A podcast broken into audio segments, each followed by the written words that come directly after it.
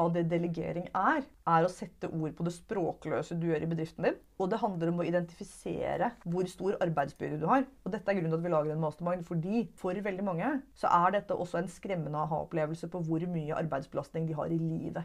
Ja. For veldig mange av disse kvinnelige gründerne er powerhouses som kanskje har en jobb ved siden av. Verv i FAU. Gjør det meste på hjemmebane også. Og i tillegg stiller opp for alle venninnene sine. Og så kommer de til meg liksom, gjennom den tingen, og så sier de ja, jeg har liksom mye rare helseproblemer. Lurer på om jeg får for lite D-vitamin. Og jeg bare ja, ellers kan det være at du liksom jobber helt vanvittig mye.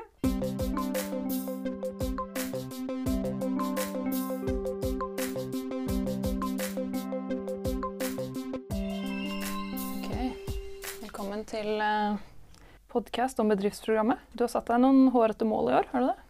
Det har jeg. Så eh, jeg vil ha 25% flere kvinnelige bedriftseiere i løpet av 2023. Og det tror jeg blir ca. 1800. Mm. Og eh, da kan det være greit å vite at eh, 21% av alle norske aksjeselskaper har en kvinnelig eier. Mm.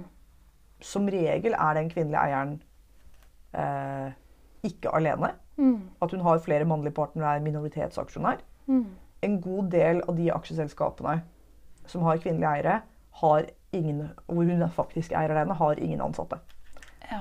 Så de de- eier alene. De eier, de eier alene, men de har, hvis de eier alene, har de ingen ansatte. Ja. Eh, kanskje seg selv. Hvis de er med på en større bedrift, så eier de som regel sammen som minoritetsaksjonær eller som eh, en liksom, i et triumvirat eller en som eier halvparten. Så jeg vil altså ha 25% flere. Det blir ca. 1800. Give or take, eh, med forbehold om at jeg ikke er norgesmester i prosentregning. Det er ikke det som er liksom Men, eh, men den andre biten av dette er at jeg vil ha 7000 nye arbeidsplasser Mm. i norske kvinneeide bedrifter. Mm. Og det handler om at jeg har sett, egentlig gjennom liksom lang research, at eh, det som kjennetegner Altså det er færre kvinnelige gründere. Mm. Eh, men det som kjennetegner dem hvis de overlever over tid, er at de er veldig lønnsomme. Kanskje så lønnsomme at en mannlig gründer vil bli litt sånn Men her holdt på å si, taper du penger til inflasjonen, ikke har så mye cash på konto, liksom. Eh, og de tar veldig, veldig, veldig lav risiko. Mm. Så lav risiko at jeg vil påstå at den lave risikoen er risikabel. Fordi du ender opp med at man blir altfor avhengig av daglig leder, eller at du jobber deg i hjel, eller at liksom, denne bedriften kan ikke fortsette å finnes på denne måten, for det er ikke bærekraftig. Ikke sant.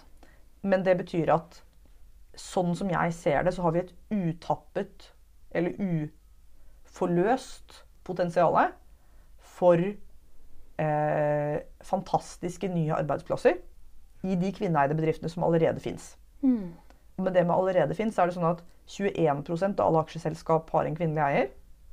eh, Men 40% av alle enkeltpersonsforetak er kvinneeide. Ja, ikke sant. Og jeg har sett at jeg har, jeg har sett at um, kvinner kan gå altfor lenge på enkeltpersonsforetak og være veldig, veldig lønnsomme. Mm. Som i den da gjør at de ikke kan Når du er på enkeltpersonsforetak, så kan du ikke selge bedriften, du kan ikke ansette uten stor personlig risiko. Du kan i mange sammenhenger ikke tegne kontrakter, du kan ikke ta opp lån. Det er veldig mange typer ting du ikke kan gjøre. Mm. Ikke søke Forskningsrådet, ikke søke de store Innovasjon Norge-midlene. Eh, Det er rett og slett Du er ikke en, en ordentlig bedrift. Mens Så det å få de mesteiende kvinnelige enkeltpersonsforetakene til å stifte AS, og få flere av de AS-ene som allerede finnes og går bra, til å ansette, gjør at jeg mener at det er minst 7000 eh, klare for ansettelse årsverk Mm. i det jeg nå liker å kalle for innholdsbedriftssektoren. Ja. Og det er ikke det at vi bare snakker til innholdsbedrifter når vi snakker om disse tingene her, men eh, la meg bare beskrive fort hva jeg mener med en innholdsbedrift. Mm. Så Jeg har jobbet med programmering siden jeg var et barn, eh, og vært i tech-sektoren hele veien. Og jeg liker å si at det første tiåret på internett tilhørte utviklerne. Fordi du måtte kunne kode for å få lagd noe som helst. Så tilhørte det neste tiåret på internett designerne. Fordi du måtte være designer for å lage noe som ikke var helt uforståelig og himla stygt. Men nå er det meste av koden vi trenger skrevet, og det meste av templatene vi trenger laget, og vi har etablert app som sjanger, nettside som sjanger. Så selv om du i prinsippet kan lage noe stygt og forvirrende greier, så er mulighetene for å sette opp noe som er helt forståelig, logisk og virker, enklere enn det noensinne har vært. Mm. Og det betyr at det er den tredje komponenten av internett, nemlig innholdet. Altså hva slags videoer du har, hva slags lydfiler du har, og ikke minst hva slags tekst du har. Uh, som er det folk faktisk kan gjøre innovasjon på nå. Og det er særlig i innholdsbransjen at vi ser eh, de største kvinnelige gründerne. Og det handler om at fordi du har så lave oppstartskostnader i programvare og design, sånn du kan bruke plug and play- play-løsninger som Kajabi, Thinkific, Squarespace, eh, Shopify. Shopify, Calendly, eh, Teachable. Så er muligheten til å eh, eh, lage noe som folk kan kjøpe, kjempemye kortere enn i nesten noen andre bransjer. Og Det gjør også at folk som tidligere på en måte har vært kronisk underleverandør og frilanser, nemlig liksom avhengig av at liksom, jeg selger en time, jeg jobber en time, jeg selger en time, jeg jobber en time, har kunnet ta flere kunder gjennom å lage gruppecoachingsprogrammer, gjennom å kunne lage nettkurs, gjennom å kunne lage medlemskap, gjennom å kunne lage liksom, smarte Don for you services hvor flere ting er automatisert, gjennom å kunne lage eh, fellesskap. Ikke sant? Så alle disse innholdsproduktene eh, har lave oppstartskostnader og skalerer godt. Og der er liksom Der vet jeg at det er veldig mange kvinner. Jeg vet også at det er veldig, veldig mange kvinner i bransjer som er nesten helt usynlige fra offentligheten fordi de spesifikt bare handler om kvinneting. Ikke sant? Altså For å bare nevne Tinkafu, den store norske gründeren på solskjerming i barnevogn. Eh, alle, altså BB Hugme, den norske ammeputa. Eh, eh, As We Are Now, med liksom moteinnovasjonene sine med kjoler med lommer. Og eh, jeg har også sett at liksom på liksom ting som øyevipper, menskopp, eh, negl, hudpleie Masse, masse, masse kvinnedrevet innovasjon som i liten grad når liksom næringslivsradaren fordi det er femi. Og det er ikke bare her eh, damer skinner, men det er jo liksom for påfallende for meg. Liksom, typ, hvis du tar et firma som Lappeliten, da, som selger um, eh, Som selger mer merkelapper for barneklær. Som har kjempegode marginer, superhøy omsetning og veldig mange populære kunder. Veldig veldig lite oppmerksomhet rundt liksom, lønnsomt marked, god forretningsmodell. skalere godt. Så jeg begynte å bli opptatt av dette segmentet når jeg var med å lage Folio, som er en banktjeneste for små bedrifter, i 2018. Og en av grunnene til at jeg ble opptatt av dem, var at de tjente veldig mye mer penger enn de mannlige gründerne. At hvis du drar på et eller annet mannlig gründertreff og sier at jeg skal snakke med founders, storparten av dem kommer aldri til å tjene en krone. Og det vi trengte i Folio, var folk som hadde transaksjoner. Ikke sant? Så jeg bare, okay, jeg trenger noen med mange transaksjoner, jeg trenger noen med mange kunder. Og da viste det seg at det var lettere å gå på de få kvinnene som var der. At det var nesten ingen kvinner som var der og bare sånn, og planen min er å gå i minus og ha ingen kunder. Never happened. Så hvis det først var damer der, så hadde de som regel kunder og som regel høyere omsetning som vi kunne følge med på. Men det var også da jeg begynte å se på ok, eh, hvor mye som skulle til for at de ansatte, og hvor utrolig mye som skulle til for at de eh, begynte å opptre som daglig leder. Ikke fordi de hadde manglende lederegenskaper, men fordi veldig mange av mennene som finnes i forretningslivet, har nettverk. Enten har de gått på, altså liksom jeg pleier å si at De pleier å si at de gikk på, de gikk på handelsgym, så gikk de på Handelshøyskolen, så fikk de seg en jobb i Boston Consultant Group. Eh, og så fikk de seg en direktørstilling i et eller annet fancy pants-sted. liksom. Og så bestemmer de seg for å satse. Eh, og dessuten, når de sykler Birken, og når de drar på denne trimturen sin, eller liksom toppturen sin, så gjør jo alle kompisene det samme. Og dette er ikke noe hate på nettverking. Det Nei. er bare det å si at det er en viktig del av dette regnestykket her, er nettverk. Ja, Ja. og det betyr at når du satser, eh, og du allerede har liksom fire studiekompiser som har firmaer, og du har sett dem vokse, og du vet 50 mennesker du kan spørre, og du har en veldig tydelig mental modell av hvordan den reisen ser ut, så du har en, en forutsetning for å vite det, er noe veldig annet enn å si å gud, jeg har visst lagd et firma, og det viser at det omsetter for 10 millioner kroner, men jeg vet fortsatt ikke egentlig hvordan det skjedde, eller hva jeg skal gjøre med det. Og jeg er flau når jeg sier det til venninnene mine, for det er for mye penger, men det er fremdeles litt minus i kassa. Og mora mi skulle ønske jeg hadde beholdt sykepleierjobben, og dessuten så syns mannen at det er ganske provoserende at jeg jobber så mye kveld. Uh, og jeg aner ikke hvordan det skal se ut å nå det neste nivået. Ja. Så det jeg så, var liksom at det er en sånn kvinnelige gründere har raskere lønnsomhet. Og det er ikke fordi at liksom alle forretningsideene deres er gode, men fordi at sjansen for at de satser på en ræva idé, er nesten ikke eksisterende. Det skal liksom Veldig veldig mange av dem er jo liksom nesten sånn ufrivillige gründere. Hvor de bare, Og så var det så mange som ville kjøpe av meg at jeg skjønte at nå må jeg nok ha et org-nummer. Um, så etterspørselen er veldig stor. Mm. Og så da eh, så er det sånn at en god del av de jeg tenker på som innholdsbedrifter, har jo vokst ut av enten influenserstatus eller bloggerstatus eller en eller annen form for sosiale medier-rolle. Mm. Og jeg er veldig opptatt av at innholdsbedrifter ikke er influensere. fordi det å være influenser er eh, litt som å være idrettsstjerne uten at du må løpe race. Altså, Hva mener du? Altså, Idrettsstjernene våre lever jo av sponsormidler. Ja. Ikke sant? Ja, ikke sant? Så det er noe med at liksom, nå skal du være på TV med liksom Hvor ofte skal denne tennisspilleren spille tennis? Hvor mye kan vi klistre på dem av stæsj? Mm. Og så lever de av hvor bra, liksom, hvor bra de spiller, hvor mye de er på TV, avhengig av hvor bra deals de får på liksom Uniclo piqué-trøye eller liksom Rebook-sko. Og så har man store brand deals. Og det er litt sånn som influenser. Mm. Markedsføring funker også. At jo større publikum du har, jo større kanal du har, jo større deal kan du få. Mm. Men det er jo fremdeles en forretningsmodell som utelukkende handler om å være spokesperson eller utstillingsvindu. Mens felles for disse innholdsbedriftene jeg snakker om, er at de har produkter. Ikke sant? Og fordi markedsføringen utad kan se ganske lik ut, så er det lett for folk å være sånn Ja, det her er jo enda en influenser, bare at hun her snakker om smoothie, mens den andre snakker også om smoothien sin. Mm. For at den ene smoothien selger et veldig spesifikt liksom, tarmkurs. Mm eh, som er veldig lønnsomt. Mm. Mens den andre liksom da venter på at Bama skal si ja, men vi skulle ikke hatt et samarbeid med Meny på smoothieoppskrifter. Mm. Det kommer til å liksom enkeltsum 200 000 kroner. Mm.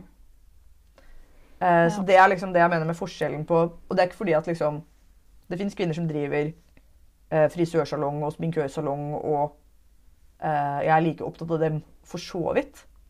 Men det som er spesielt med Altså, innholdsbransjen er i sin spede begynnelse.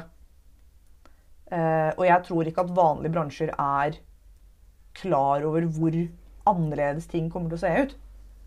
Men det første her er jo det at liksom, den generasjonen som vokser opp nå, eh, som ikke husker Napster og ikke husker Bearshare og ikke husker liksom fildeling, mm. ikke sant? har betalt for innhold hele sitt liv. Mm. Så veldig veldig mye av de som har lagd forretningsmodellene sine, må prøve å lure med seg Millennial pluss. Ja. Hvor du bare å, 'Kjøp abonnement på VG for én krone.' Det høres ut som en drittavis. ikke sant? Ja. Hvorfor i all verden vil du ha abonnement på VG for en krone? Jo, fordi storparten av kundene du prøver å selge til, husker da VG-nett var helt gratis. Ja, ikke sant? og så prøver du å få dem over på litt betaling. Ja. Mens Uh, ungdommen nå vet at YouTube er bra, men de vet også at liksom, YouTube er full av spons og liksom Altså Så det er noe med at uh, vi har en, en, oppvoksende slekt som er vant til å betale for alt innhold, mm. og som ikke egentlig husker åssen det er å ha en felles statskanal. Og som ikke liker å få annonser mm.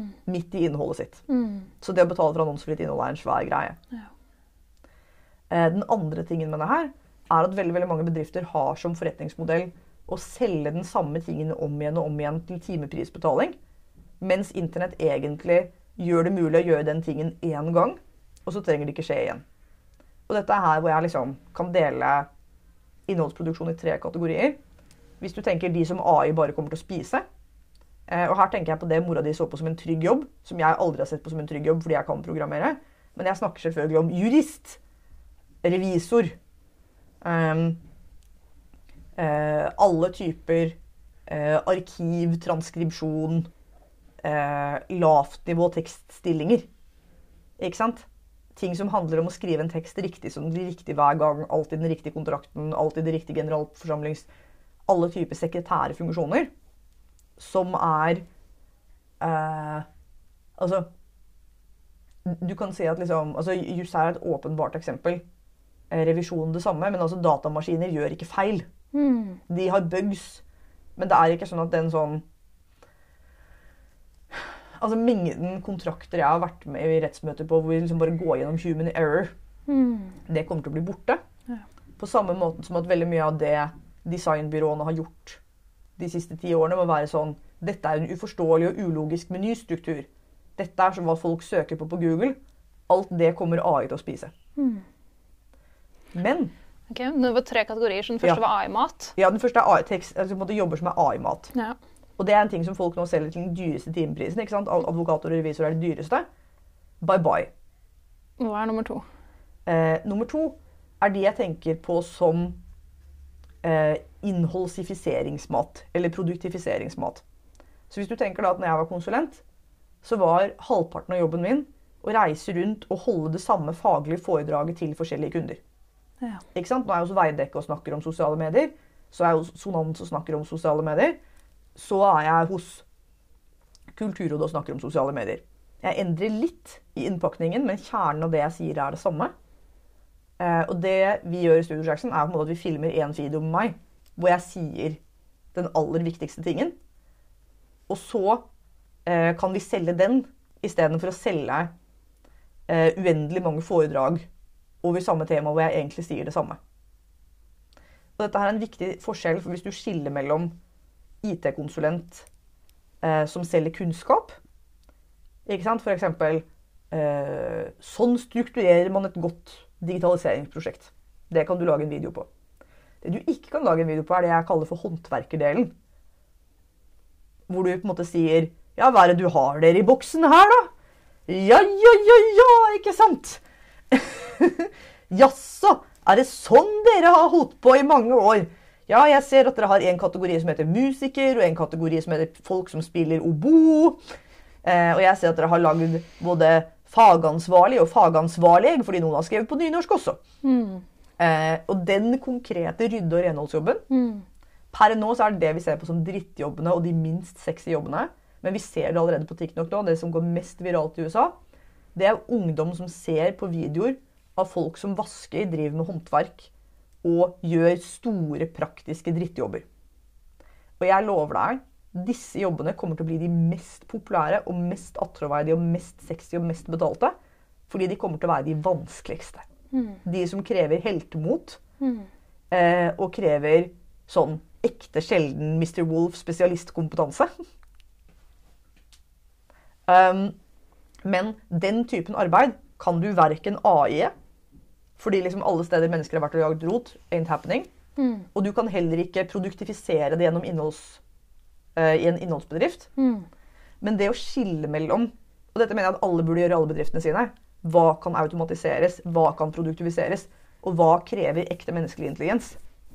Er vi fortsatt på kategori to nå? Med Nei, kategori tre er håndverkertingene. kategori er håndverkertingene. Ja. Ja. for der, altså, det er jo sikkert noen revisorer også som kan dukke ned i liksom, regnskapet ditt og være sånn What the fuck skjedde her? Det er også en revisor-håndverkerting å gjøre. Og på en måte rydde opp de tingene. Yes. Sant? Eh, på samme måten som at det å komme inn som advokat og si hva i all verden er det som har skjedd her Ja. av skurk og burk, Ja, ja, fortsatt en viktig ting. Mm. Men veldig veldig mye av den biten hvor typ, vi skal skrive en patentsøknad. Mm. Det er den samme prosessen som vi gjør i alle patentsøknader, og disse tre, tre tingene må være med uansett. Mm. Eller vi skal sette opp en kontrakt. ja. Den skal se ut på denne måten. For jeg synes Det er det vanskeligste med å gjøre regnskapet mitt, å oversette det fra hva jeg faktisk har gjort, til sånn regnskapsspråk. Det er på en måte i oversettingen mellom det jeg kaller ting, og det regnskapet mitt kategoriserer ting som. Det er der jeg på en måte blir litt lost in translation. Så det er vel sikkert regnskapshåndverket da, som jeg ikke har lært meg helt ennå. Ja, men det er også på en måte Ok, her blir veldig sånn Det vi egentlig snakker om, er regnskap-diskursen. Eh, diskursen er ordet. Så det, diskursen er jo et begrep eh, som Michel Foucault har, hvor han sier at eh, hvis du tenker da, at ordet lov betyr noe annet altså får jeg, betyr noe annet i betyr én ting i jussen. Ikke sant? Dette er en lov. Mm. Men det betyr noe annet hvis du leser Bibelen. Mm. Ikke sant? Dette er en av Guds lover. Mm. Noe helt annet. Eller hvis du går til etikken og spør får jeg lov. Samme ord, tre helt forskjellige betydninger. Og noe av det som er spesielt med regnskap, er at regnskap er en egen diskurs. Ja. Så det er jo bare noe vi drev og snakket om. Vi driver og bytter bankkonto. Eh, og da måtte jeg fylle ut i skjemaet hva er selskapets gjeld. Ja. Og så var jeg først sånn Men jeg har ikke tatt noe lån på sjappa. Og så sier Elise, nestleder, jo, jo, men regnskapsteknisk gjeld er noe annet enn faktisk gjeld. Ikke sant. Så vi har gjeld til staten fordi vi skylder skatt og moms i fremtiden. Ja. Og vi har gjeld til de ansatte fordi de skal ha feriepenger. Ja. Og vi har gjeld til underleverandører fordi vi har en kontrakt på at de skal fakturere oss så og så mange ganger, og vi har bare fakturert halvparten. Ikke sant. Så vi har gjeld. Det er bare at det er regnskapsteknisk gjeld. Mm. Ikke sant. Så det er det med å være Og det er også en ting med den tilbake til det med nettverk. Med sånn Er du i en diskurs hvor folk snakker om omsetning, likviditet og balanse? Eller er du i en diskurs hvor folk sier 'men har jeg råd?' Ja, ikke sant. Og det er to veldig forskjellige økonomisyn Mm. og to veldig forskjellige måter å se tall på. Mm. Men tilbake til analysen min med de tre typene bedrift. Ja. Sånn eh, AI-mat, innholdsprodukt og direkte håndverk. Ja. er å Jeg tror at de aller, aller fleste bedrifter kan skille ut de ulike prosessene sine. Og finne ut hva er det vi gjør nå som AI kan gjøre. Mm. Hva er det vi gjør som vi kan lage et digitalt produkt av. Mm. Og hvilke håndverksprodukter er det vi har Mm. hvor vi virkelig kan gå all in og bli best i verden. Ikke sant. Eh, og så er det sånn at Det er ikke for å si at AI-mat og eh, digitalt produkt er dårligere produkter, men det er noe med å skjønne at en god del av de kvinnelige gründerne som er nå, er pionerer i eh, digitale innholdsprodukter. Og det er ikke det samme som å være influenser og være synlig. Ikke sant. Og det er i denne kategorien at jeg vil ha profesjonalisering, Mm. organisering Mm. og sysselsetting. Mm. Hvordan har du tenkt å gjøre det, Ida? Vel. Eh, det første da, måtte svaret mitt har jo vært produktutvikling. Så gjennom året som gikk, så har jeg hatt fem eksperimentelle produkter, som er sånn jeg lager nye produkter. Mm. Eh, hvor vi har hatt Nå prøver jeg å tenke på hvor mange kunder vi har hatt, men vi har vel hatt da La oss si at vi har hatt 300 mennesker, da. Eh, så det, med- med de 300 menneskene så har vi på en måte ikke bare eksperimentert på levende materie, men det er liksom den diagnosen jeg har kommet med, hvor jeg sier kvinnelige gründere er lønnsomme. Det er særlig innholdsprodukter. Vi trenger profesjonalisering, og vi trenger sysselsetting. Det er også fordi at gjennom de 300 testkundene så har jeg funnet ut at um, Altså Arbeidshypotesen min var at det er for få kvinnelige gründere. Og det er jo en ting som alle er opptatt av. Ikke sant? Innovasjon Norge har liksom, altså Staten har laget masse rapporter. Hvordan skal vi få flere kvinnelige næringsdrivende? Hva er hindrene? Hvorfor er det færre? Og mitt hovedfunn er at det er ikke så få som vi tror. De er bare veldig hemmelige og usynlige. Eller de er synlige på sånne måter at de ikke kjenner, gjenkjennes som næringsdrivende. Eh, og de ehm, eh, Fordi de mangler nettverk og mangler en fortelling om hvordan bedriftsvekst ser ut, så er det veldig, veldig mange av dem som sliter seg ut og brenner seg ut og må legge ned. Fordi de prøver å gjøre 20 menneskers jobb som én person. Og tror at det er det en bedrift er. Men grunnen til at vi har et næringsdepartement, er fordi at suksess fører til sysselsetting. Så jo mer kunder du har, jo mer jobb har du. Og jo mer jobb har du, jo mer jobb har du til flere. Og det fører til vekst i økonomien, og det er en ting som eh, Og så kan vi diskutere på en måte markedsøkonomi bra eller dårlig, men så lenge vi har markedsøkonomi, så er dette objektivt sett en bra ting. Det fører til mye, mye mer skattebetaling, folk i trygge jobber, eh, økonomisk utveksling frem og tilbake. Det er det som er vekst. Og så kan vi diskutere er vekst bra eller dårlig, men eh, realiteten er at liksom eh, Alternativet til vekst i denne bransjen her er damer som utbytter seg selv, får dårligere sosiale eh, rettigheter, jobber seg selv i grøfta, sliter seg ut og eh, tar produkter som kunder har likt veldig godt og satt veldig pris på og blitt veldig avhengig av, og legger dem der igjen. Så det er liksom bare lus-lus rundt det å prøve å gjøre alt selv og ikke profesjonalisere. Så gjennom disse 300 testkundene så har jeg funnet ut at hovedproblemene handler om eh, at folk ansetter for sent. Og de hyrer frilansere til å få hjelp for sent. Og de føler seg eh, eh, De har et urealistisk bilde av hvordan et firma skal utvikle seg, basert på fortellinger om privatøkonomi som primært kommer fra Luksusfellen. Eh, og det er jo dessverre sånn da at Silje Sandmæl var organisert på et enk altfor lenge, og nå har hun et AS som hun er 50 med mannen. Dette syns jeg provoserer meg to no end. Eh, så liksom hvorfor du skal ta noen økonomiråd fra Silje Sandmæl, I don't get. Eh, men Silje Sandmæl må gjerne komme til oss og få skikk på sjappa si, liksom. Men i utgangspunktet eh, så er dette liksom en av Norges dårligste økonomiinfluensere. Eh, og det som er viktig å skjønne, er at når du eh, For deg som ikke vet om dette, så er jo Silje Sandmæl en av kjendisene i Luksusfellen. Og en av DNBs liksom, pengeansikter utad. Men det som lønner seg for en privatperson i en lønn, i, i lønnsarbeid, er ikke det samme som er god bedriftsøkonomi. Og det handler om å skille mellom den gjelda du har satt deg i nå. Er den til investering, eller er den til forbruk? Og det handler om å skjønne at for firmaer så er tid penger. Så hvis du bruker all tiden din på å finne gratisting på Finn, så tjener du ingen penger. Selv om du har brukt null. Eh, så jeg pleier å si at de fleste sparetiltak eh, er å tape penger for bedrifter. Fordi det handler om å bruke for mye menneskelig tid på å få ting av lavere kvalitet. Eller hvis du har store firmaer som på en måte kan mose priser, så handler det primært om at de kan liksom behandle planeten, arbeidere og egentlig alle helt ræva. Eh, fordi de har store, store soldriftsmarginer og kan komme inn og mose, liksom. Så eh, den sånne tingen vi har, hvor vi har masse pengeinfluensere som er litt sånn eh, Jo, jo, jo, men altså, jeg kan liksom holdt jeg på å si, lage tennbriketter av min egen tørkeltrommelo og liksom It's a thing. Er det virkelig en ting? Det har jeg ikke fått med meg. Jeg vil ikke vite mer. Nei. Ok, Men uansett. Um, Jeg stopper deg på tørketrommelo, faktisk. Um, for du har da altså testet på 300 mennesker i 2022, stilt diagnoser, Ja. og nå har du en løsning. Ja. Og den løsningen kommer til å begynne med at vi lager en mastermind for de gründerne som allerede tjener penger, Ja. men som jobber altfor mye.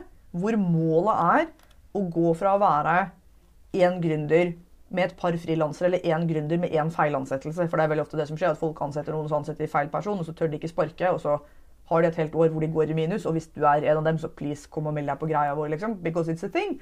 Men eh, eh, du skal få bli kvitt feilansettelsen din. Men eh, Eller kvinnelige gründere som foreløpig har gjort alt selv og lurer på ja, men hvorfor klarer jeg ikke tjene mer penger. Og grunnen til at du ikke klarer å tjene mer penger, er fordi du ikke har flere timer i døgnet. Enkelt og greit. Så det er ikke mulig for virksomheten å vokse når du gjør jobben til 20 mennesker.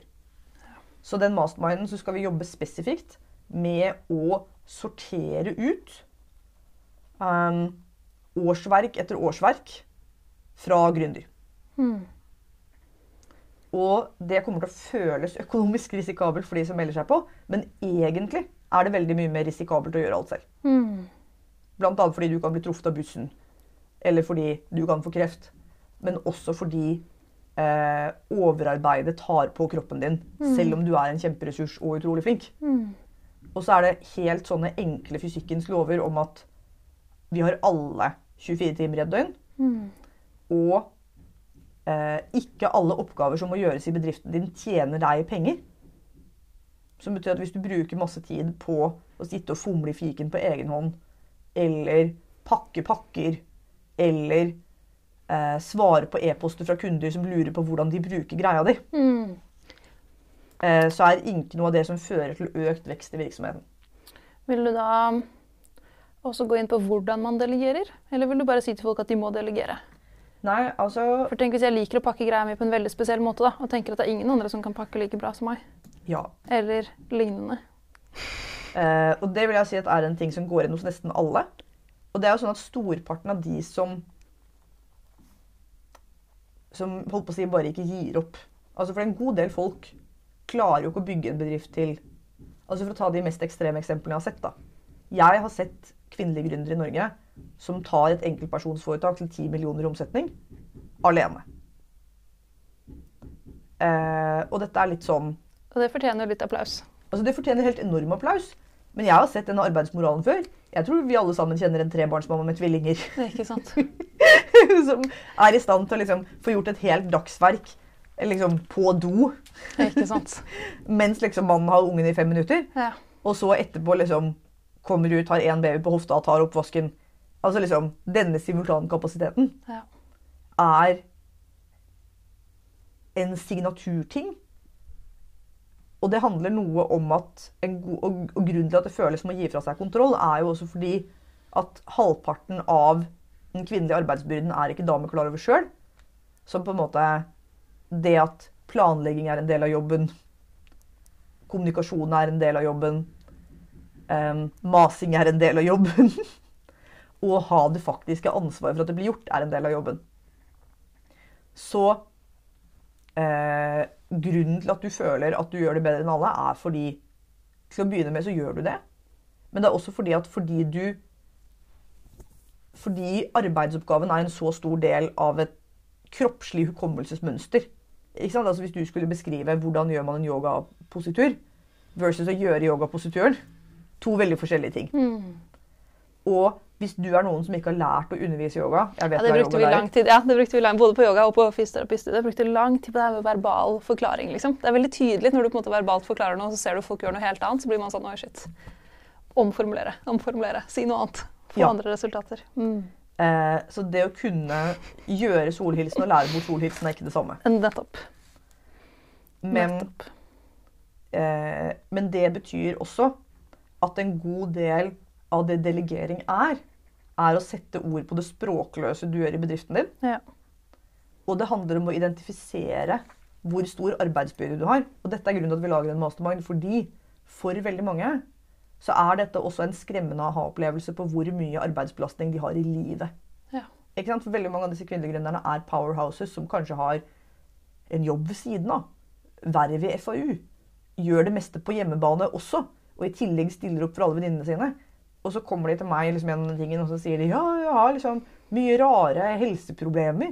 Lurer på om jeg får for lite D-vitamin. Og jeg bare ja, ellers så kan det være at du liksom Holdt på å si jobber helt vanvittig mye. Og så kan folk være sånn Ja, men jeg jobber jo mindre nå enn når jeg hadde den gamle jobben min. Og jeg bare Det er sant. Men den tingen du ikke ser hvis du er vant til å ha en 9-4-jobb Ikke sant? Hvor du bare OK, nå kommer du, og så skal du være på jobb. Og så skal du gjøre jobben, og så går du hjem. Eh, så er det sånn at eh, Da har du ikke lært at den ledertingen som jeg har, da, hvor jeg på en måte har en femårsplan inni hodet hele tiden, og den slutter jeg aldri å tenke på. Mm. Og det er en viktig del av min jobb som daglig leder. er å tenke på den femårsplanen og tiårsplanen. Mm. For da kan jeg bli litt sånn ok, men det er helt åpenbart at vi skal gjøre sånn nå. Fordi om fem år så er det jo hit vi skal. Mm. Jeg skal ta denne kaffen. Mm. Endelig. Eh, men hvis du da er helt inne i sånn svare på kundeservicemeldinger på Slack Mm. ikke sant? Så, det, så den sånn biten med du jobber mer fordi du hele tiden har det i hodet samtidig. Ja. Og dette er en ting som, som heter det tredje skiftet, som jo er den delen av det mentale arbeidet og emosjonelle arbeidet de fleste kvinner gjør uten å vite det. Sånn Det er den scenen i De utrolige hvor i, i The Incredibles 2 hvor det endelig er moms time to shine. Eh, så hun skal ut på et hemmelig oppdrag alene, hun, mens far har barna. Og så mens hun er ute og liksom kjører og hopper fra bygning til bygning på den sånn kule motorsykkelen sin, eh, så ringer far og sier du, hva er det ungene skal spise i dag egentlig? Ikke sant? Og den sånn Sheryl Cheryl Strait har et eksempel på det hvor hun liksom skal ha en sånn operatalk, og mannen ringer henne rett før, og han bare 'Jeg vet ikke hvor votten er'. Ja. Eh, og hun bare sånn Ja, nei, dette hadde jo faktisk ikke skjedd hvis det var han som var her og skulle ha en talk på opera. Så hadde jo jeg visst hvor vottene var. Det er en ting. Ja. Uh, Det er Eh. tungt å innse òg, da. Alt det usynlige arbeidet. Jeg kjenner inn meg nå, så har jeg litt sånn Ja, men hvis jeg ikke, hvis jeg ikke setter ord på det, så kanskje det ikke fins. Ja, At jeg føler som Hvis jeg skal sette ord på det, så blir det så tungt. For da blir jeg bevisst på hvor mye jeg bærer. Og da orker jeg ikke å bære det. Men hvis jeg bare fortsetter å la det være usynlig, så har jeg en sånn illusjon om at det er litt lettere. Men det er jo da tydeligvis den løgnen som du nå driver og debunker, da. Og driver og knuser. Ja. Det, men det er også en Hva skal jeg si for noe? Men dette er grunnen til at jeg snakker om at det er et feministisk førstegrødearbeid. ja, ikke sant. Fordi Fordi det er ikke bare mitt eller bare hennes. Det er liksom en, en sosial ting. Ja, nei, og han Birkensyklende mannen, vet du. Han har en kone som tar det meste hjemme. Mm. Jeg bare lover at han ikke sitter i Spond-appen og planlegger idrettslag. Mm. Eh, så det er jo også en ting med liksom, hvordan ser denne arbeidsbyrden fordelt ut. Ja. Og det er også grunnen til at så når, jeg, men liksom, når jeg sier en mastermind, så handler det om at altså, En mastermind er Og det er et tacky begrep. Eh, for det er fra liksom, selvhjelpsbokforfatter Napoleon Hill, som er liksom han som på en måte tok The Secret til Europa på 30-tallet. Ikke sant. Så dette er bare sånn full Napoleon Hill, er det Think and Grow Rich? Ja, Think and Grow Var det Rich. han som introduserte det begrepet? Mastermind? Ja. Nettopp. Eh, men Mm. det det beskriver, er når mange likesinnede som skal jobbe mot samme mål, kommer sammen. Mm. Og vi kan bevege oss veldig veldig mye fortere. Fordi du har så mange å speile deg i. Ja. Og hvis du nå tenker på liksom alt vi vet om speilnevroner, og at sentralnervesystemet regulerer seg selv best i gruppe, Mm. så handler det rett og slett om at jeg vil at alle de da Istedenfor at jeg sier alle kvinnelige businesseiere må gjøre det her, så er det sånn at det er veldig mye lettere å si vi kan også gjøre det sammen, ja. istedenfor at du må gjøre det alene. Ja.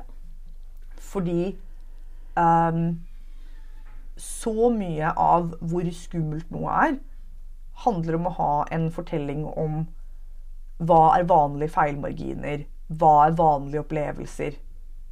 Og dette er også grunnen til at liksom, si at staten arrangerer barselgrupper, så folk ikke liksom bare skal dø alene med babyen sin. Mm. Fordi liksom, du i hvert fall kan sitte sammen og være sånn Ok, det ser ut som de fleste babyene ligner litt på hverandre. Jeg er nok ikke helt gal. Mm. Liksom eh, At det fellesskapet i seg selv gjør noe sånt. Mm. Og felles for alle de damene jeg snakker om nå, er at en av grunnene til at de er så hemmelige, er fordi det er mye skam forbundet med å ha så stor suksess. Ja. Og ha så mye penger. Og eh, da trenger de å komme sammen og kunne speile. Mm. Og hvis du hører på det her nå og er en ikke-binær transperson, eller bare en veldig liksom, funksjonshemmet, skeiv, rar homo, eller noen som er på andre måter veldig, veldig utafor normalgründeren, så er du like hjertelig velkommen i disse greiene som vi lager. Du må ikke ha innovertiss og identifisere deg som kvinne. Men eh, det jeg har sett, er at eh, eh, hvite, rike, privilegerte damer som i utgangspunktet skulle ha alle forutsetninger for å få til disse greiene her, går i de samme fellene knyttet til overarbeid, emosjonelt arbeid, risikotaken og manglende nettverk. Og det er det vi skal løse. Og så snakker man ikke om det fordi man føler skam i tillegg. Ja, altså Den sånn redselen for at noen skal finne ut at du er rik. Eh, samtidig som du jo ikke Altså, jeg syns det høres så rart ut, men jeg vet at du har snakket med mange mennesker som sier dette. her. Jeg har hørt folk si det flere ganger, men det bare, jeg synes det høres rart ut likevel. Altså jeg tror Noe av det som er mindfucken, er at de fleste vet ikke Altså De fleste klarer ikke skille mellom forskjellen på personlig formue og en virksomhetsomsetning. Ikke sant. Så folk er sånn eh, Og det har jeg jo sittet og sett skje i kommentarfelter. Når folk er sånn 'Å, gud, men det her er jo en lønnsom bedrift'. Eh, du må jo ha, tjene utrolig mange millioner i året, sier de til en person. Og jeg bare, Det at en virksomhet tjener mange millioner i året, er ikke det samme som at noen tar det ut i lønnen.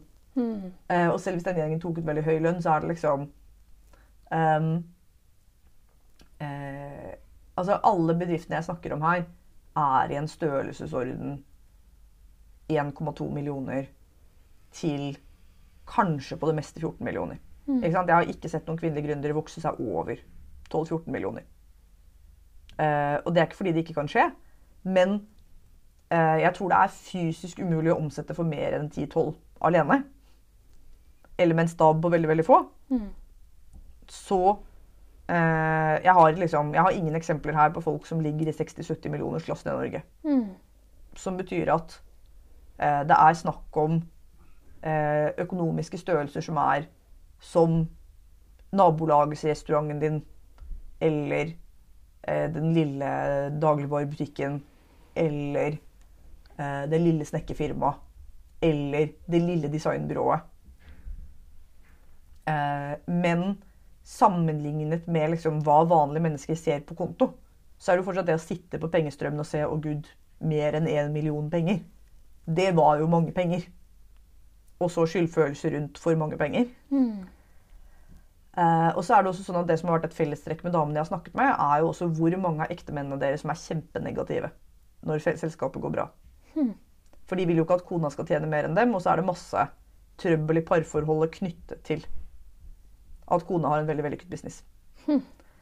Så av tingene jeg har som mange ikke har, at jeg har en mann som eh, tar majoriteten av det tredje skiftet hjemme Mm. og som er veldig bevisst på at det er det han gjør, og har et språk for det som den sosiologen han er. Mm. Og det handler jo selvfølgelig om at jeg er den fysisk sterke av oss, som betyr at det er veldig mye lettere for det er en veldig mye lettere arbeidsdeling at han sier 'Har du husket å gå ut med søpla?' Og jeg bare 'Ut med søpla'. Dag Morris han, Det siste han gjorde før han gikk og la seg, var å mase på at jeg skulle gå ut med søpla. Det første han gjorde dag Morris, var å si 'Husk å ta med ut søpla'. Ja. Og det er den tredje skiftet her. ikke sant? Han bare 'Jeg vet at søpla ikke er tatt. Ja. Kan du ta søpla?' Mm. Eh, Så jeg er en mann som gjør det. Mm. og som gjør det veldig sånn med et vokabular på det. ikke sant? Så han kan være sånn Jeg håper at du kan ta det emosjonelle arbeidet med å kommunisere med eh, mammaen til Emmy rundt vennegruppa og Mm. sosial forventningsavklaring.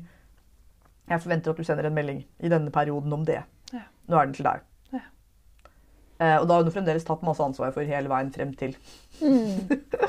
til jeg har fått en oppgave. Mm. Men eh, den andre biten er at jeg har en mann som eh, alltid har forventet at jeg kom til å tjene mer penger enn han. Mm. Som for meg var en ganske stor mindfuck når vi ble sammen, for da var jeg 23 år og hadde 200 000 i skattegjeld. Og var litt sånn OK. Mm. Og han bare Jeg lover. Eh, Inntektstrajectory for professor i Norge når taket her. Ja. Den rare tech-tingen du gjør på internett, kommer til å liksom bare gå og gå og gå. og det er jeg veldig klar for, liksom. At kommer til å skje. Mm. Eh, og så hadde han jo rett i det, da. Mm. At liksom eh, Mengden eksponentiell vekst i min bransje er veldig mye større enn hans. Ja. Men ehm, Ok, spørsmål, Er du den eneste du vet om som har en støttende ektemann? Eller er de bare sjelden vare? Altså, det jeg ser, er at en god del som har på en måte semistøttende ektemenn, ender på en måte med å ta dem altfor langt inn i firmaet. Slik at de enten blir liksom medeier eller partner eller ansatt og driver veldig mye av selskapet. Og da er de på en måte støttende, for da får du en god del av kaka. Eh, Så det er en av tingene jeg syns er liksom sørgelig når du ser på mange av de store kvinnelige gründerne rundt omkring. er liksom, Jeg har vært veldig bevisst på at, at storparten av mine mentorer har ikke mannen som en viktig partner i firmaet. Eh, men liksom også Men fra Manifestation Babe, eh, Content Queen, Queen eh, eh, Prøver liksom å lage en liste her, men det er ganske mange av dem. Eh, Sabrina Philip også er på en måte hun jeg har som har mannen lengst inne i firmaet. Mm. Som jeg syns er litt sånn eh, not hot. Men eh, det ser ut som at den tingen jeg har som er sjelden, at jeg har en mann som er veldig støttende, men som heller ikke eier noe av selskapet. Ikke sant. Så han, måte, han nyter jo godt da at selskapet går bra. Men det som definitivt ser ut til å være en ting, er at hvis du har en tradisjonell ektemann som hadde håpet på å få en hjemmeværende kone, så er det ingen av dem som hadde håpet på å få en millionær.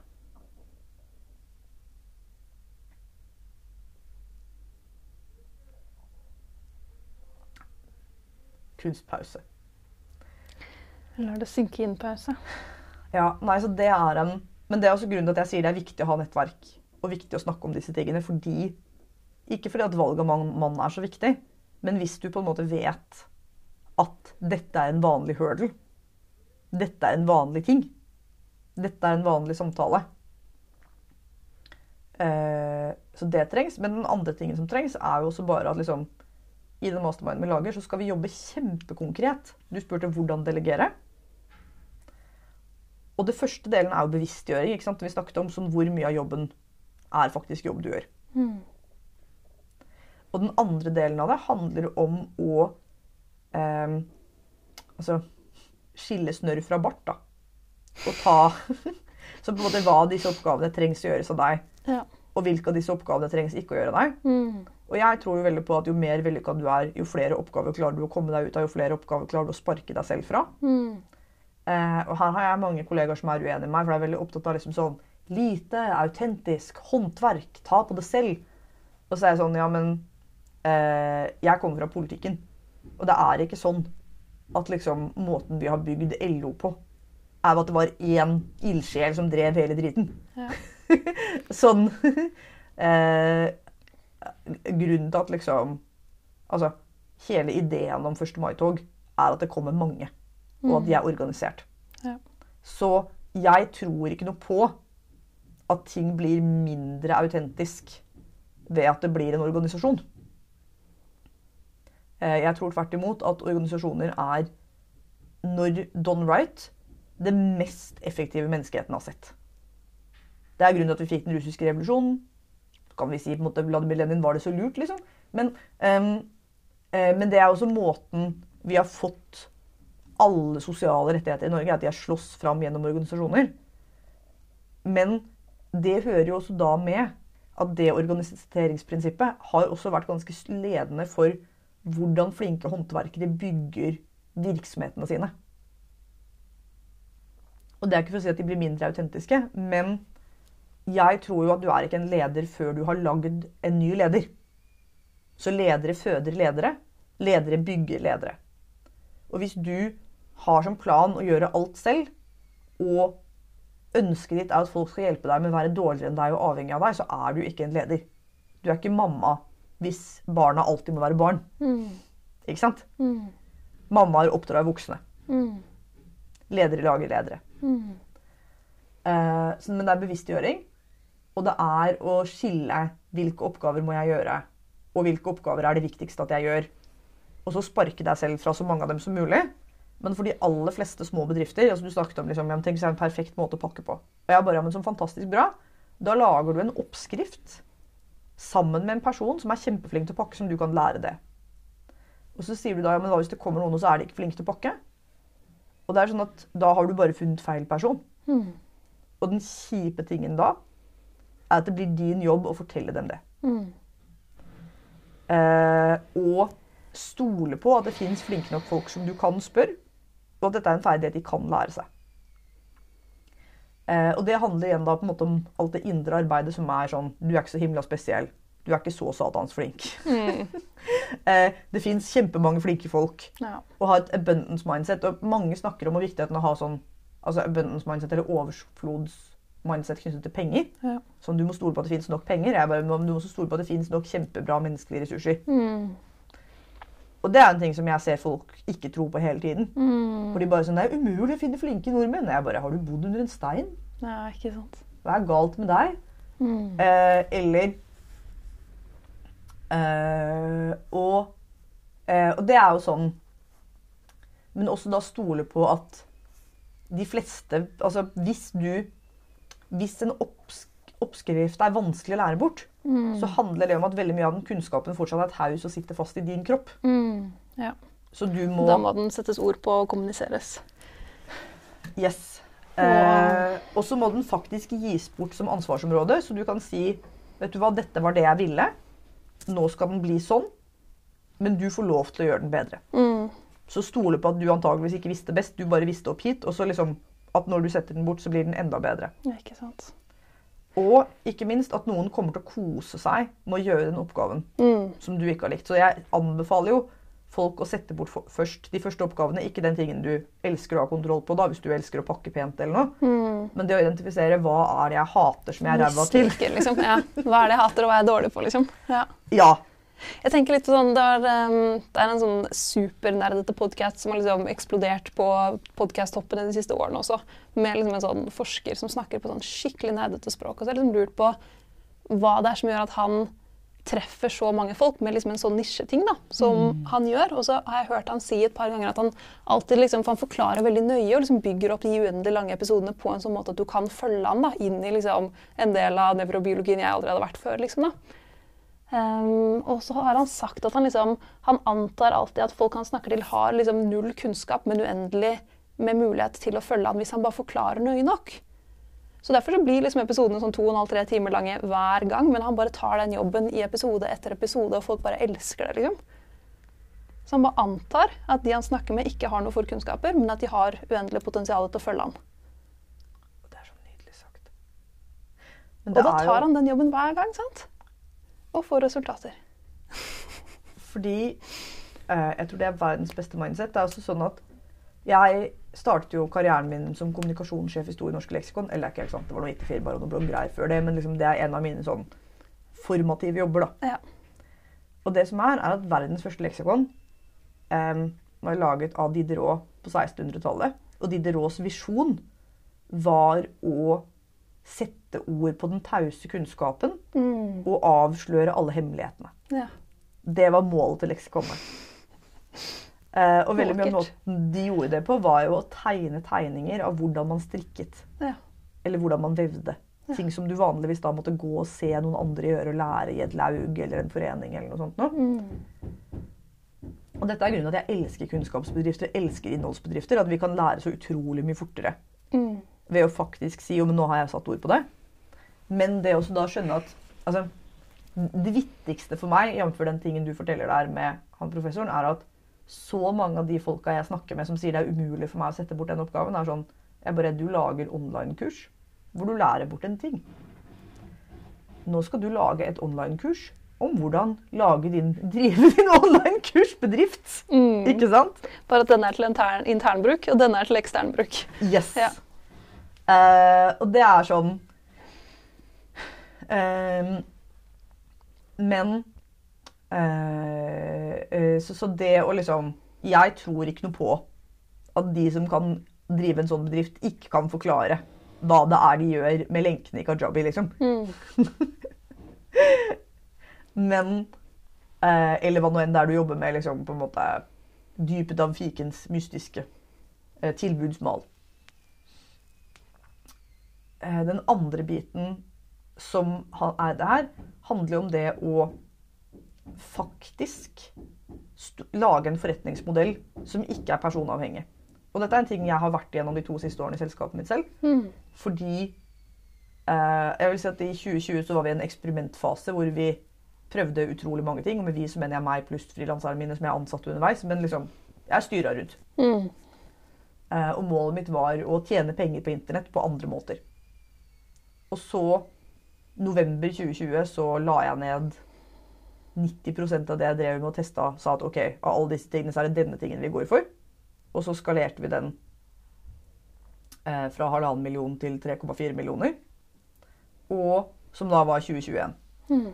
Og den første tingen jeg da gjorde i 2021, var på en måte å bygge den systemkapitalen. Med sånn Hvordan er det vi gjør det? Kan jeg sette det bort til noen andre? Kan noen andre gjøre det jeg kan? Men steg to av det, som jeg på en måte da så var den andre tingen, var Og det er den tingen folk glemmer. er at hvis, hvis du har designet en bedrift alene, og så kan du sette bort underoppgaver og alt mulig, så er den fremdeles 100% personavhengig av deg for å gå rundt. Så den første utgaven av Heksesirkel handlet om at jeg eh, skulle selge det live på webinar. Så jeg drar på et nettmøte og holder det webinaret. Og da er det jo sånn at hvis jeg blir truffet av bussen, så kan vi ikke lage det.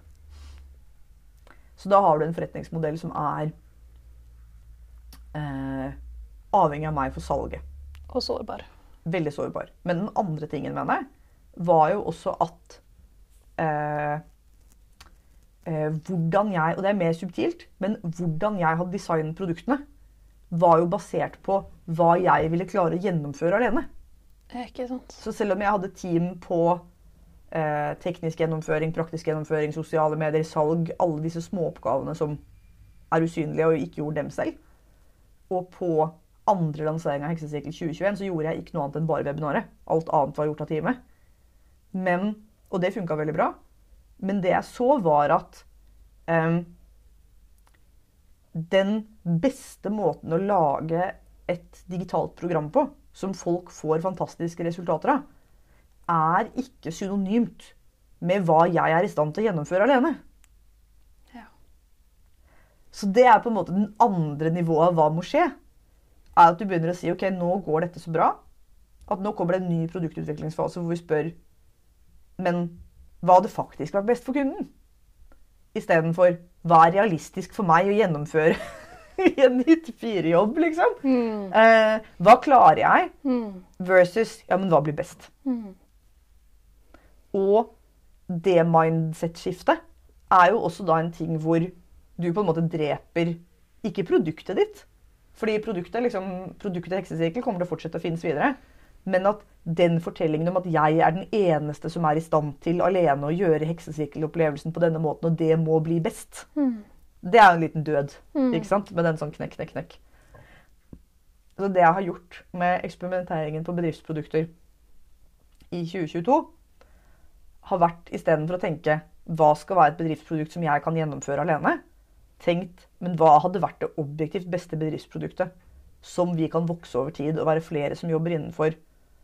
Eh, og det er grunnen til at vi sitter igjen med denne masterminden Mm. er at her har vi muligheten til å ha eh, coacher, konsulenter, gjestelærere eh, og en struktur som gjør at du kan komme og få en one stop shop for sjappa di.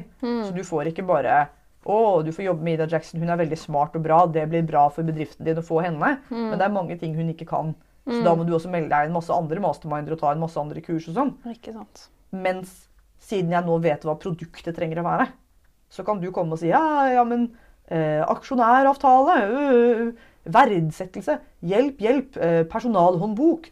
Eh, hva skal vi gjøre hvis vi har mye toll? Og så kan jeg si vi har folk til slikt. Mm. Vi har kompetansen på det, vi har systemet for det. Mm. Vi har en plan for det, og vi har måter å identifisere det på. Mm. Eh, det betyr ikke at jeg kommer til å sitte sammen med deg og forklare deg liksom, debit og kreditt, liksom. Mm. Eh, for det er ikke min zone of genius. Jeg kan knapt forskjell på høyre og venstre. Men Jeg kan ikke forskjell på høyre og venstre. Det er ljug. Mm, Men det er jo også der hvor soloentreprenørene som er neste nivå. Ikke sant? Det handler om å skrelle ut. Og så handler det om å lage systemer som fungerer også eh, hvis de får brystkreft.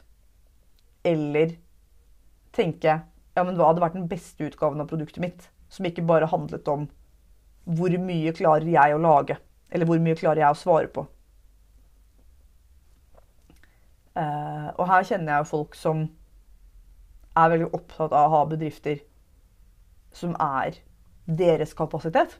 Mm. At det på en måte er mer en praksis. Mm. Og så er teamet noe som understøtter deres praksis. Mm. Men jeg er eh, altså Dette er igjen til, måte til venstresiden-ting, da.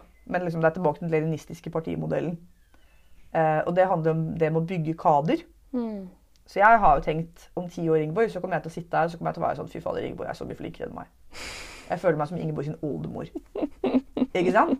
Eh, og så kommer Elise Otterlei til å være en diger størrelse, og Linda til å være liksom big cheese. De er jo big cheese allerede, men liksom på en måte sånn svære. ikke sant? Merida som skal ha sin første jobb her. Jeg bare Å, tenk hvor Merita er om ti år. Mm. Jeg vil se det. Og da kan ikke det være sånn at liksom, de har jobbet bak meg som teamet til Martha Stewart, Mm. hvor eh, liksom, vi skal la alle sammen på en måte fortelle offentlighetsløgnen om at liksom alt dette er Martas ting og Martas idé og Martas eiendom og Martas system. Mm. Uh, Mm. Istedenfor å vise liksom fagpersonene, stemmene, pluraliteten, polyfonien. Mm. Så det å tro Altså, du har så jævlig stort ego hvis du tror at At egoet ditt krymper, og at det kommer andre stemmer. Mm. Fordi eh, jeg er en så distinkt smak at liksom Du kommer til å merke om jeg er liksom én av 400. Ikke sant? Du kommer til å legge merke til det. Så det er virkelig ingen sjanse for å bli overdøvet Mm. i koret. Mm. Dette er tilbake igjen til mitt sånn mareritt i Steinerskolekoret, hvor Marilena og kordirigent bare Jeg vet du prøver å redde hele koret, Ida, men du synger høyere enn alle. sånn liksom annen alt Uh, outweighs the rest i liksom denne sånn eh, Men Mm. Men den frykten for konkurranse er ekte òg, da. Det er en sånne internettsitater om at sånn, en kvinne som gjør det du gjør, er ikke konkurranse, liksom. Hun er din søster. Det er plass nok til alle. Altså, internett er uendelig. Altså, jeg digger når du tar den der internettrevolusjonen. Det er internettet som er revolusjonen, liksom. Vi driver fortsatt på å finne ut av hva vi kan gjøre med internett. Og så er vi så Det er så uendelig mye plass til alle. Det er det, og så er vi så utrolig i startgropa. Så det, altså, folk er sånn men 'Jeg kom inn på dette her så sent.' Ja, ikke sant? Og jeg er for, sent ute, og nå har det 2023, it's too late. eh, Men ja. la oss um, uh, trekke litt tilbake til eh, hva slags produkt det er du lager, og hvem det er du ønsker velkommen inn i masterminden din. Og de som føler at de er for sent ute til å få hjelp Nei da. Nei, men eh, du kan si at eh, over tid så skal masterminden være for alle. Som fra deg som lurer på om du vil slutte i jobben og starte en firma, til deg som skal ansette dine første 20 ansatte. Mm. Ikke sant? Men vi starter i det øverste nivået. Eh, fordi eh, holdt jeg på å si, det er her det er her det er mest håndverk. da. Ja. Ikke sant? At det er, Hvis du er i kategorien tjener mye penger, trenger mye hjelp, vet ikke hvor du skal begynne, Mm. så kommer du til å trenge hands on håndverkerhjelp fra Studio Jackson Ja. til å rydde i det rotet. Så vi kan ikke gi deg et nettkurs hvor vi sier 'sånn gjør du det'. Eh, vi må faktisk liksom se på din konkrete situasjon og si ja, liksom, ja, ikke sant? Vi må se på systemene dine. Vi må se på Ja, og vi skal se på det i gruppesetting, Mm. slik at du får roa deg ned. Ja. Så masterminden er Du søker om opptak, for vi må vurdere om du er rett person. Du må ha omsatt for mer enn en million i fjor. Eh, med omsetning så mener vi ikke statsstøtte og ikke støtte fra Innovasjon Norge og ikke lån fra eier. Eh, og så eh, må du eie sjappa di alene eller være majoritetsaksjonær. Vi kan, hvis du eier 50-50 med noen, så kan du søke med en, en plan om hvordan du skal kjøpe ut eh, daukjøttet ditt. Eh, Men hvis du liksom hvis du er i en datterselskapsstruktur hvor du bare Men jeg må egentlig spørre moderselskapet før jeg kjøper en binders. Så jeg er bare sånn, da er du ikke daglig leder, da kan du ikke bli med. Eh, og så er det også sånn at hvis du er leder i en organisasjon du ikke eier, så må vi fortsatt liksom Holdt jeg på å si Det er ikke det at vi er 100% mot å ha deg med, men det er liksom det er, en, det er ikke deg det er designa for. Det er designa for de som tar den ekte økonomiske risikoen på selskapets vegne. Eh, og på samme måten så må du også være en kommersiell aktør. Så målet ditt kan ikke være å drive en sosialentreprenørvirksomhet som skal alltid gå i null. eh, fordi du skal gi bort halvparten av tiden din til Redd Barna. Mm. Eh, og så kan vi diskutere på en måte sosialt entreprenørskap bra eller dårlig. Men eh, jeg vil jo insistere på at det å betale liksom, eh, skatt og arbeidsgiveravgift som ikke ble betalt før, er ganske sosialt. Så er det sånn at for å bli med så når, når, du søker, så søker du med omsetningstall og motivasjonen din. Og så kommer vi til å ta en vurdering på, og dette mener jeg sånn Er du eh, genuint opptatt av å lage gode arbeidsplasser? For de vi ikke vil ha med, er de som har lyst til å lære mye om arbeidsmiljøloven for å kunne være en kjip rass. Det er ikke supermange av dem, men de fins. Eh, og eh, veldig mange av dem eh, er i en liksom sånn i en veldig amerikansk internettboble. Hvor de er veldig sånn 'Å, gud, det er så vanskelig med nordmenn. Umulig å sparke.' Og hvis jeg bare kunne ha bare utenlandske ansatte, eh, da hadde ting vært så mye lettere for meg. Og så er jeg sånn, For det første så tror jeg ikke noe på at det er lettere å drive virksomhet i USA. Jeg tror alle som har fylt ut papirer fra IRS, vet at det ikke er sant. Altinn nær en gave. eh, og for det andre så eh, må liksom Altså den sosiale kontrakten for å bli med i masterminden er at du ikke syns at det er et overgrep eh, at du må være med å finansiere folks uføretrygd og nyfødtintensiven og liksom eh, Follobanen, selv om det kanskje ikke gikk så bra. altså, liksom du må, være, du må være med på spleiselaget, liksom. Ja. Det er en forutsetning. Ja. Um, så dette her er ikke liksom en sånn eh, Det betyr ikke at vi er opptatt av å betale mest mulig skatt uansett, men at det er liksom Det er en forventning. Og så Uh, Sist, men ikke minst um, um, uh, Gud bedre. Eh, så jobber vi med å lage uh, uh, Kjære, vakre vene. Nå, nå mista jeg tråden. Jeg skal finne tråden min igjen. Jo, så det er i hvert fall liksom på en måte Du må Altså uh, minimum en million i omsetning i fjor. Gjerne mer. Majoritetsaksjonær eller kjøpe ut daukjøttet. Følge norsk lov. Mm. Gå, sikte på å gå i pluss. Eh, og ikke bare være en leder. Det er ikke at vi ikke skal jobbe med lederskap, men lederskap og eierskap er to forskjellige ting. Så er det sånn at målet for masterminden er det at daglig leder skal slutte å jobbe 20 jobber og faktisk bli daglig leder. For det jeg har sett, er at daglig lederstillingen som regel blir ubesatt i alle disse virksomhetene. Fordi du gjør kundeservice, pakk, oppfølging, coaching, regnskap, søppelhåndtering, eh, vaskehjelpens, vaskehjelpens jobb hjemme hos deg. Alle disse tingene så er daglig lederrollen ikke besatt. Og det betyr at du ikke gjør strategi, du gjør ikke likviditetsplanlegging, du gjør ikke strategiske valg på virksomhetens vegne. Og det er grunnen til at den står på stedet hvil. Så eh, Målet med masterminden er eh, an, liksom, eh, få mer hjelp. Etter hvert få flere fulltidsansatte.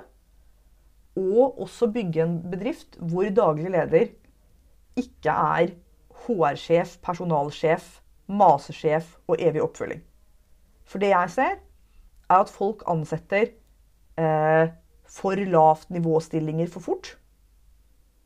Og så, de, og så, får de enda mer jobb med masing, personal, kos og klems. Som da igjen betyr at daglig lederstillingen ikke er besatt. Så det å delegere det sosiale arbeidet med å ha ansatte og få inn en COO eller en nestleder eller en admdir eller en administrasjonssjef i en eller annen form Integrator er det mange som kaller det. Eh, velg din term. Mm. Eh, prosjektleder. Eh, handler om å også delegere eh, medarbeidersamtaler. Hiring and firing. Så tidlig som mulig. Eh, for at daglig leder faktisk skal få tid til å gjøre de tingene som driver bedriften. Så det er målet for masterminden. Den skrelleprosessen, den ansettelsesprosessen. Og måten vi jobber med det på, er at vi har fire forskjellige komponenter. Det er inspirasjonsbiten, eller liksom spark i ræva-biten, som er på en måte den jeg er ekspert på, da.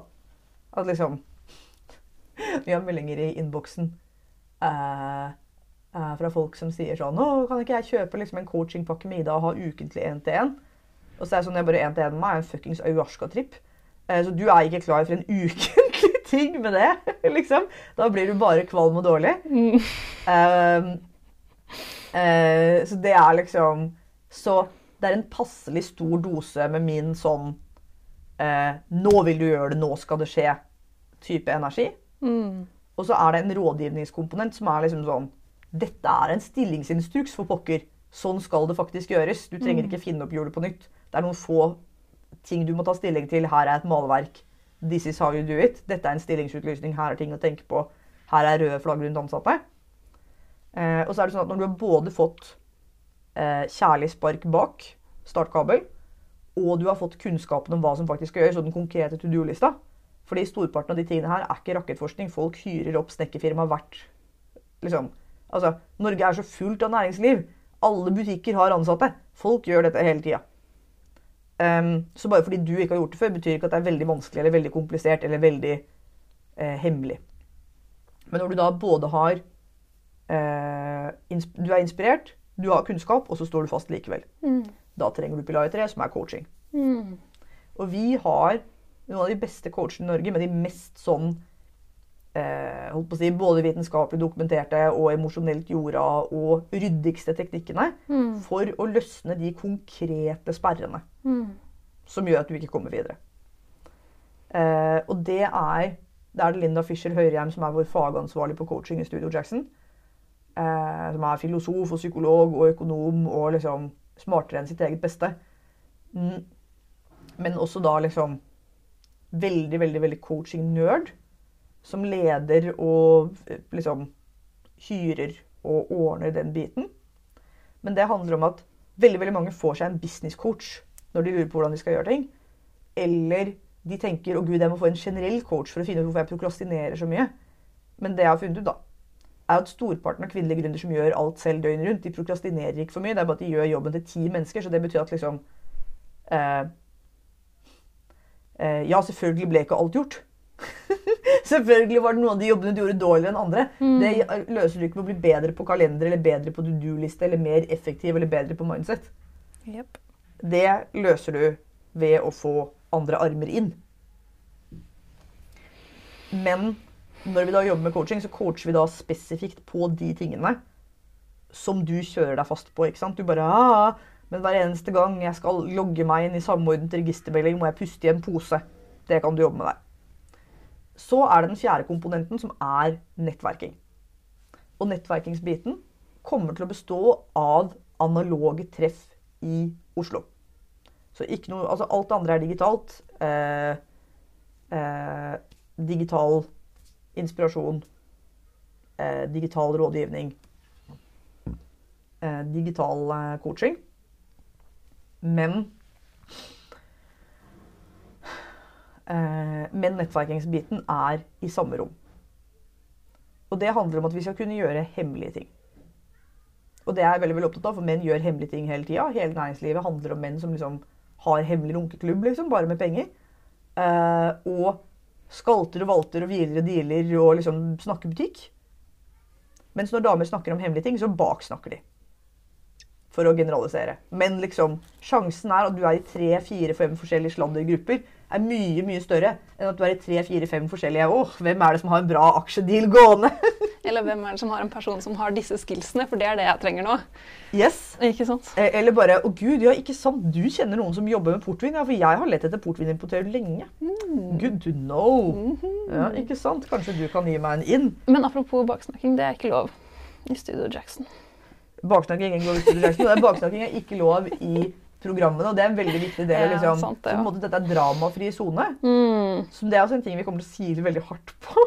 Mm. Og det er også en ting vi kommer til å ha i kontrakten, at du kan, på en måte, vi kan sparke deg som kunde. Hvis du er en baksnakkingsdronning. For veldig mye av det som skjer, som jeg merker at er liksom en kvinnelig traumerespons, er at du blir liksom sånn Altså den tingen som jeg er liksom hardest på folk når de kommer hit på coaching, da. At de er sånn Ja, men jeg ser at du følger ikke lenger den kontoen. Eh, og hun følger ikke lenger Sandra Lyng. Og dessuten så har jeg sett at de var på en story sammen, men nå er de ikke venner lenger. Og jeg bare Tenk så mange penger du har tapt på å sitte og følge med på den driten der.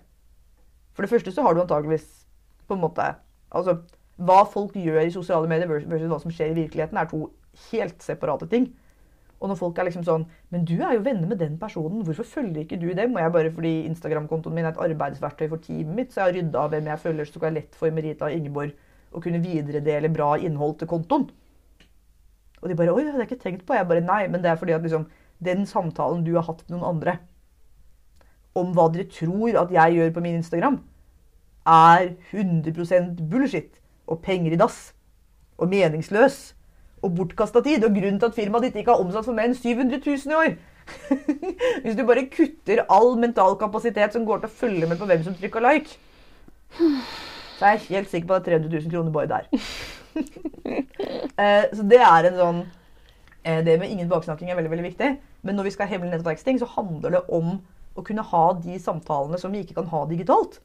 Fordi eh, liksom GDPR, juss eh, Å kunne gi liksom de egentlige rådene. Ikke at vi ikke gir egentlige råd, men da kan vi få Da kan jeg bruke den delen av mitt gründernettverk som ikke har lyst til å være en del av et Studio Jackson-produkt til de dør fordi vi har filma dem, og nå er liksom kunden har livstidstilgang og drit og dra, liksom. Så kan de komme og så kan de si jo, nå skal du høre hvordan det faktisk gikk til når det selskapet ble til. Halve måne! Lite ante jeg at jeg skulle ta liksom fire Bank Norwegian kredittkort på forskjellige kontoer og liksom eh, makse ut og bare satse på det. Eh, og bra gikk det òg. Sikkert litt dumt. Kunne gått veldig dårlig. Og så var det det året vi nesten gikk konk, men jeg gjorde det her isteden. Og det var utrolig liksom, suspekt og rart. But I did. Mm. Eh, så du kan få liksom Jeg skal ikke bare si skipperskrøner, men det er så mange Altså hvis du er i en damemeldingstråd hvor de sitter og følger med på influenser X og Y, merker ikke annonsene sine godt nok, så trenger du å treffe en ekte næringslivsmann som har tjent en milliard kroner, og fortelle om de helt sånn hårreisende, ikke ulovlig, men bare rart og shady og veldig snuskete tingene de har gjort for å komme dit. Mens du bare Jeg kan ikke fatte at hun ikke merker den annonsen bedre. Hun burde jo vite at på Forbrukertilsynet Jeg bare give it up. Uh, så det er liksom Så det er det vi skal gjøre i nettverksdealen. er liksom skal si, skal, skal, Jeg skal ikke si at vi skal røyke sigar, for det, liksom, det skal du få slippe. Men liksom, vi skal ha suspekt prat. Og så skal vi ha preik og proto, som er den andre tingen jeg Har du døpt den om fra pils og proto? Ja, for det er du, hysj, hysj. Ah, ja. eh, alkohollovgivningsfolka er helt besatt om dagen. Er Det sant? Det, det er flere som har fått crackdown for å bruke den martini-emojien på arrangementene sine. Ikke sant. Eh, og Markveien mat og vinhus fikk kjeft for å hete Markveien mat og vinhus. Hæ? Ja. Eh, så liksom Ok, Hva ble det? Preik og proto? Ja, preik og proto. Det er liksom, men, men, du kunne kalt Kos og kode? Kos og kode, pils og proto. uh, nei, men, men, poenget er at vi skal ha en uh, Altså, all teknologiutvikling uh, handler jo om at folk møtes og viser hva de har funnet ut siden sist. Villbrygg og skipskrøner. Ja. kombucha og kjærlighet. Ja. Um, perlende, perlende fruktsider uten promille. Og? Eh, proto. ja. men, eh, men, etter liksom, den snuskete nettverkingen vår, så skal vi ha eh, at folk kommer og viser hva de har lært siden sist. Mm. Og det er også en ting vi skal be folk aktivt i Mastermind om å gjøre. Sånn, du har funnet ut noe lurt. Kom på Preik og Proto og vis det til de andre. For det er sånn vi lærer ekte av hverandre. Og det er sånn som Altså, det er det Silicon Valley er. Ikke sant? Og den tingen som skjer når damer sitter rundt og er litt sånn Oi, hun har 10 000 følgere, jeg har bare 7000 følgere og lurer på om hun liker meg. Og liksom Hun er sikkert større og kulere enn meg, og hun tenker 'Å, gud, jeg har ingenting. Jeg er en imposter'. Ikke sant? Så lærer vi ingenting, og så er vi veldig isolert. Så det å liksom komme sammen og være sånn Her er hvordan vi håndterer gærninger som sender oss meldinger på Instagram. Vi bare Kult, det så ut som et superlurt system. Da kan alle implementere det. og så driver vi alle sammen bedre. Eller så kan vi si her er vår kjempelure måte å eh, arbeide med grafikk i Canva på en måte som er kjempeeffektiv. Jeg lærte f.eks. i går at man kan gi telefonen muntlige commands inn i apper. Så du kan lagre liksom en kommando. Ja, det her er veldig random. Dette blir umulig å formidle i en podkast. Poenget at du kan si du kan gjøre sånn at du kan si 'start' til telefonen din, og så starter den filmtingen på kamera. Så du kan bruke stemmekommando som selvutløser på iPhone. Sånne ting, da. Nice.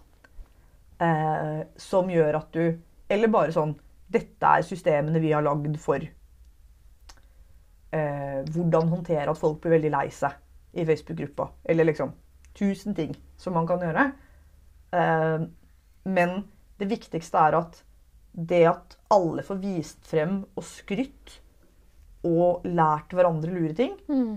så lærer vi helt avsindig fort. Og da kan vi mm. også invitere andre firmaer som ikke nødvendigvis er i mastermind, men som på en måte er rundt og har funnet opp noe annet lurt. Så kan de komme og legge frem til oss, og så kan vi alle sammen bli lurere sånn kvantesprang fort, da.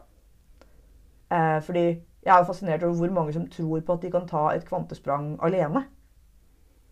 Um, sammenlignet med liksom At det å kvantespringe sammen er uendelig mye mer effektivt. Så det er de fire tingene som mastermind handler om. I mellomtiden så skal vi holde kontakt på Slack. Så er det sånn at vi driver og bygger eh, en dypere mastermind med flere videoting. Altså hvor holdt jeg på å si, Med de to tingene, sånn, sånn måte, ting som AI kan gjøre. ting som kan bli innholdsprodukter. Du kan si at Vi starter med håndverksdelen. Ikke sant? Um, så håndverksdelen er um, uh, Altså hvis, hvis, du melder deg på på en VIP-medlemskap i masterminden, da, så starter du og jeg med en kickoff-call hvor jeg er litt sånn Ja, ikke sant, her er alle feilene du har gjort. Interessant. Her er planen din for året. Og så er du sånn øh, Og så går du på coaching. Og så får du jobbet litt med følelsen din, og så får du faglig påfyll gjennom det her. Vi treffes jevnlig, og du får jobba med greiene. Mens den tingen ruller og går, slipp, filmer vi flere og flere og flere av tingene alle trenger. Ikke sant? Fra øh, lurer på om jeg burde hatt et firma, til Oi, nå tjener jeg 300 000, lurer på hvordan jeg skal få det til å bli 600 000. Mm, med markedsføring og struktur og planlegging. Eh, fordi en av grunnene til at det er så krevende å gå fra å være soloentreprenør som tjener mye penger, til, ansatt, til, folk, til firma med ansatte, er at du har ikke bygget firma for å bli et firma med ansatte. Så et av målene med masterminden er at vi etter hvert skal kunne ta inn folk som er på dag null. Og så kan vi lære dem å bygge smartere. Så det er lettere å få inn folk før. Og det handler da gjennom å bygge strukturer som blir en organisasjon. Ikke bare å bygge et antall følgere på Instagram. Eh, hvis du får 100 000 følgere på Instagram og ikke har en orientasjonsbok, så bare svarer du på det mer dagen lang og taper penger på det. The end. Det er det som skjer. Så når mastermind er oppe og eh, så kommer jo folk da til å få underveis et større og større videobibliotek og et større og større malbibliotek. Ikke sant? Slik at du istedenfor å være sånn hvordan skal jeg gjøre det? Generalforsamlingsprotokollen er litt sånn Ok, vet du hva, vi har automatisert alt det der. Det er en AI-jobb. It's done. Som betyr at du kan redusere tid brukt på uviktig aktivitet som likevel er ritualer staten trenger av deg. Og så kan det gå fort og sexy og deilig. Og så jobber vi da i Studio Jackson med å lage automatiseringssystemer. For dette her, så det er jo tingen som jeg Det var ikke det jeg skulle snakke om i det hele tatt, men automatisering av sånne ting er jeg veldig opptatt av. Og jeg er veldig opptatt av ja, liksom, Hvor mange ting kan vi automatisere? Du og jeg har jobbet sammen nå på, på å lage systemer for hvordan vi gjør human design og astrolesninger så det etter hvert kan bli en app. Ikke bare meg som leser for folk. Eller hva nå enn som kommer etter apper. Who knows. Mm. Men eh, det er ingenting i livet mitt som jeg ikke ser på og tenker dette kunne vært programvare. Eh, så det er en ganske stor del av hvordan hjernen min funker. Er å tenke på liksom, fremtidig programvareproduksjon. Så eh, nå er, til nå har Studio Jackson vært bygd med ferdig programvare plug and play, Kajabi, Stripe, Circle, Slack. De tingene alle bruker. Eh, men neste skritt er jo også at vi nå setter opp ny og innovativ programvare. Som kommer til å gjøre at vi kan gjøre helt andre ting på nettkurs og medlemskap og bedrifts hva som helst i Norge enn det alle andre i nettkursbransjen kan, fordi vi har et mektigere verktøy. Eh, og det handler om at jeg til syvende og sist bygger et kompetent tech-team fordi Elise Otterleie er liksom mer utviklet enn hun skjønner seg. Her kommer det liksom bare seksuell trakassering av Elise og hennes fantastiske tech-skills. Eh, men det får hun bare leve med. Men liksom Men det er jo også en ting som Jeg skal ikke si at liksom denne masterminden heter Er du nettkursgründer, hva skjer etter Kajabi? Men hvis du er en nettkursgründer med mange kunder på Kajabi og lurer på hva fader skjer etter Kajabi, så er det også en av tingene vi gjør her. Mm. Eh, fordi vi ser en artige ting vi skal gjøre i denne masterminden, som jo blir en fest, er å regne hvor mange penger du har tapt på Stripe i fjor. Oh, gud. oh, gud. Eh, så det er eh, uh, Liksom Nei, men dette er jo liksom jeg, altså, jeg skal ikke si at det ble en mastermind for dårlige nyheter og liksom saturnsk ansvar, men hvis du vil gjøre disse tingene på ordentlig så er dette stedet å bli med. Det er vel egentlig det. Vi kommer ja. til å liksom Nå begynner vi å nærme oss halvannen time òg. Ja. Vi prøver å wrap it up. Wrap it up, ja. Så det er liksom eh, Så da kommer jeg til å bare si Dette er jo tidspunktet for en call to action. Og det som er fint, da, er at siden denne masterminden kommer til å fortsette å finnes så lenge Studio Jackson finnes, som er på en måte planlagt en god stund, så er det sånn at enten du hører på dette i 2023 eller 2027, så tror jeg du kan sende en DM til meg på Instagram med kodeordet 'mastermind' og finne ut åssen du skal bli med. Rett og slett. Så får vi deg om bord. Velkommen. Jeg håper at i fremtiden så har vi færre av disse problemene for kvinnelige gründere. Da håper jeg at, jeg håper at i 2027 så er du blitt eh, et geni og trenger ikke noe av disse produktene. Jeg håper det. Eh, men you know, hallo fremtiden. Fremtiden er bedre enn nå. Satser på dere har dette i boks. Hvis ikke, så kan du komme og kjøpe.